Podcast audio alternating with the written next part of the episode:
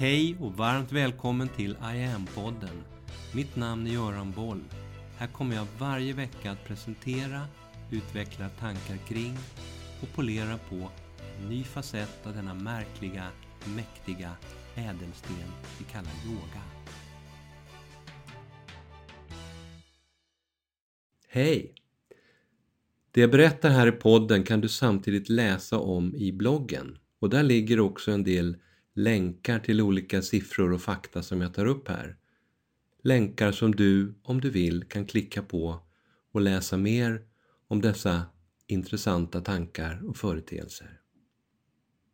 I förra veckans podd så beskrev jag mitt fina och oerhört intressanta möte med Maret, 94 år och hennes spännande tankar om och egna erfarenheter av yoga som århundradets viktigaste kompetens.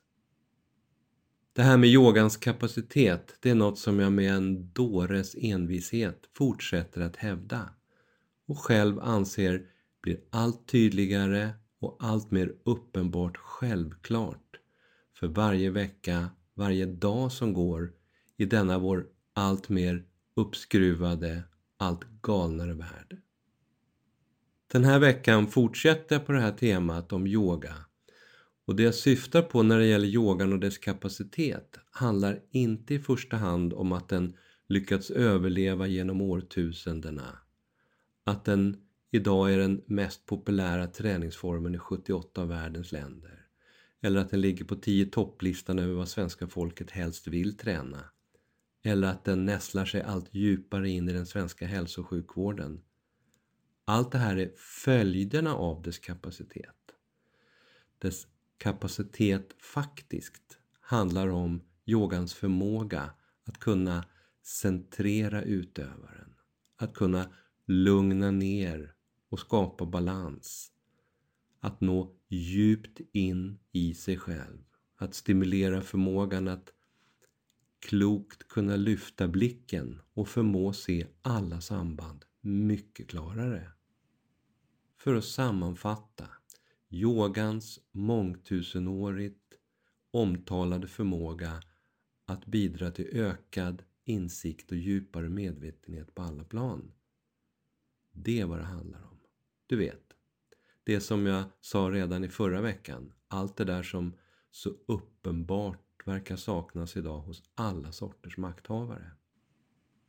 Vårdfrågan har ju varit en av de heta potatisarna i årets valgryta. Och Sverige ligger av någon outgrundlig anledning långt ner på listorna inom EU när det gäller landets förmåga att skapa rimlig vård för sina invånare. En utveckling och nedrustning som pågått sedan 90-talet. Inte så konstigt kanske att enligt en SIFO-undersökning som publicerades den 2 september så var sjukvården den allra viktigaste frågan för svenska folket, till och med före lag och ordning. Så, viktig för medborgarna samtidigt som alla inblandade runt köttgrytorna som vanligt skyller allt på de ideologiska motståndarna. Den här gången också. Hmm. Det finns när man läser offentlig statistik från olika myndigheter, från 1177, från olika patient och intresseorganisationer, typ Hjärt-Lungfonden, Cancerfonden med flera, så finns ett antal obestridliga fakta presenterade. Sverige är ett av världens 16 rikaste länder, av cirka 200 länder totalt. Och när jag säger cirka så handlar det om att olika aktörer räknar antalet länder lite olika. Men det här är inte så tokigt. 16 plats. går bra för oss. Sverige har drygt 10,3 miljoner invånare på nästan 530 000 kvadratkilometer yta. Vi är tillsammans med Finland ett av EUs mest glesbefolkade länder. Det finns gott om plats här. Sverige har en högre skattekvot än de flesta andra OECD-länder. Och på vanlig svenska så betyder det att vi betalar rejält med skatt. Så vi borde ha råd att ge våra 10,3 miljoner invånare en anständig vård. Inte minst de äldre. De som byggde upp all den här välfärden som vi idag njuter av på 16 plats. När Folkhälsomyndigheten i en enkät häromåret året frågade svenska folket Hur mår du? Så svarade 86 procent att Jo tack, jag mår ganska bra faktiskt. Och så borde det ju vara i detta vårt välbeställt avlånga land. Det borde ju inte finnas så många svåra sjukdomar, så många folksjukdomar här i vår del av världen. Eller? Folksjukdom, det vi kallar folksjukdom, brukar definieras som en sjukdom som minst 1% av befolkningen lider av. I Sverige, där det innebär minst 100 000 personer, så har vi ett dussintal sådana folksjukdomar. Typ hjärt-kärlsjukdom, cancer, diabetes, sömnstörningar, psykisk ohälsa, sköldkörtelsjukdomar, neurologiska funktionsnedsättningar, kronisk värk och smärta med flera.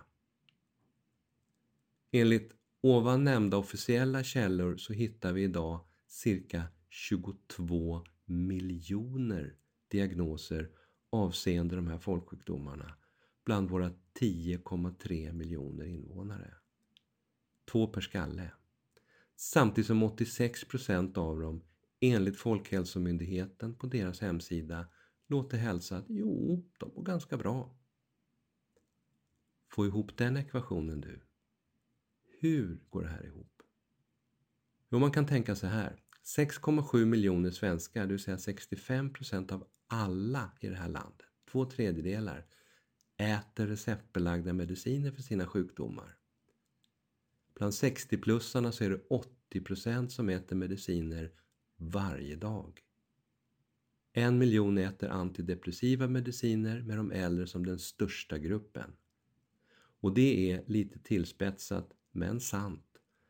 För att det är nästan den enda vård som primärvården hinner med att ge dem. Men ökningen bland våra unga, det är den som sker snabbast. Så det är ju klart, äter jag värktabletter, sömntabletter, blodtryckssänkande, Levaxin, statiner och olika antidepressiva mediciner så kan jag ju svara som de där 86 procenten. Jag känner ju inte av mina symptom. Inte så mycket i alla fall. Jag har ju en del biverkningar men jag får mediciner för det också. Och jag är ju fortfarande svårt sjuk, absolut. Men symptomen, de hålls farmakologiskt nedtryckta under ytan. Så farmakologiskt stöttad står jag därför här hyfsat stadig på benen och kan säga till Folkhälsomyndigheten, jo tack, jag mår ganska bra, faktiskt. Fast lite jobbig borde ju den här officiella matematiken bli. Framförallt att behöva svälja i världens sextonde rikaste land.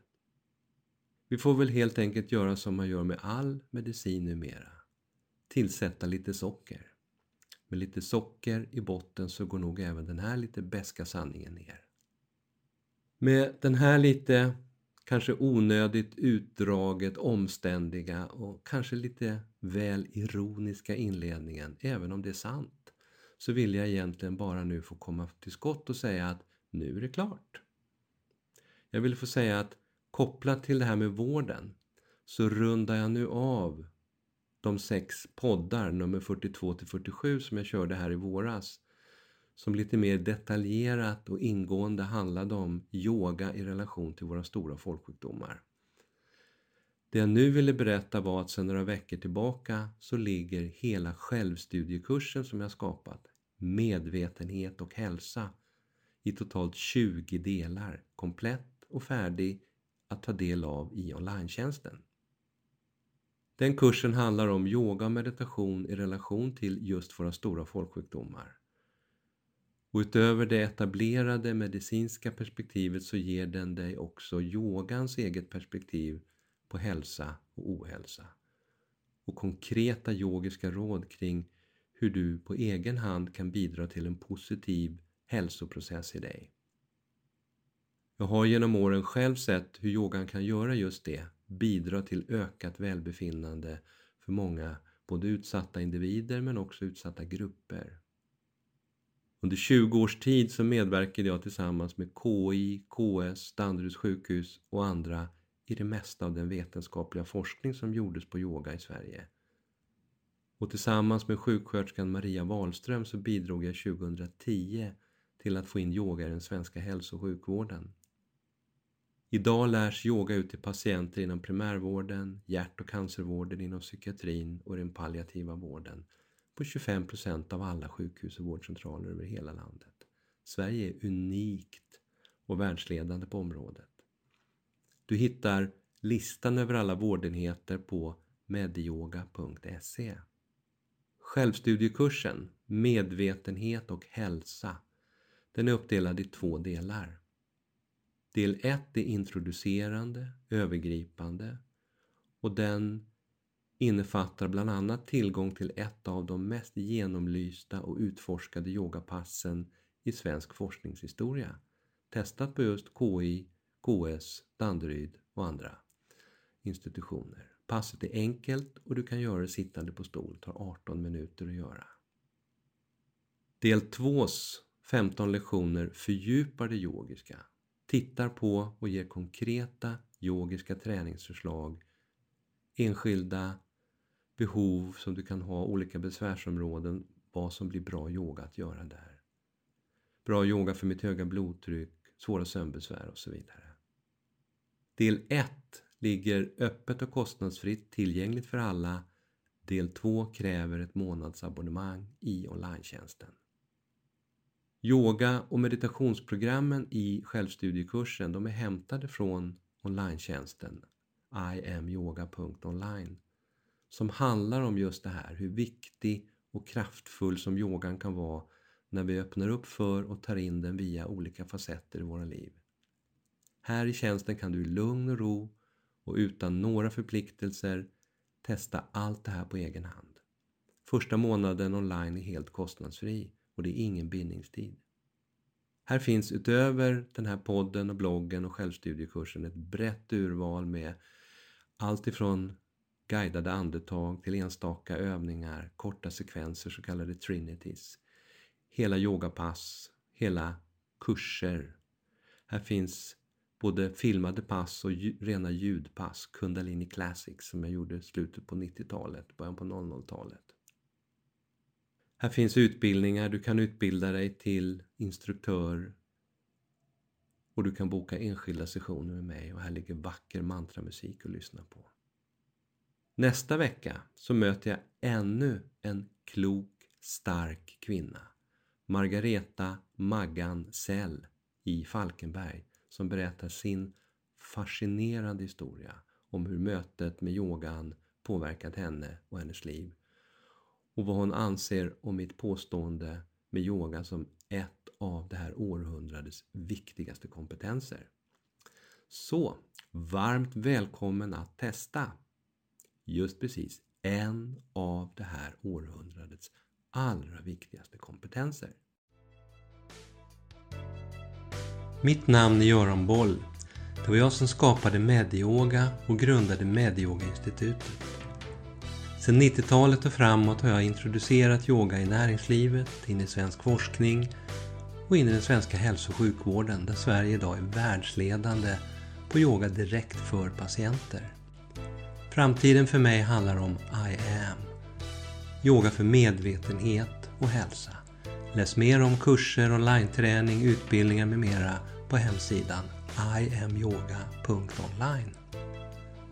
Följ oss gärna på sociala medier och tycker du om de här poddarna så tar jag tacksamt emot om du vill gå in på iTunes, Spotify och där poddar finns och ge mig ett betyg så vi blir fler som hittar in i yogans värld. Tack för att du lyssnar och delar.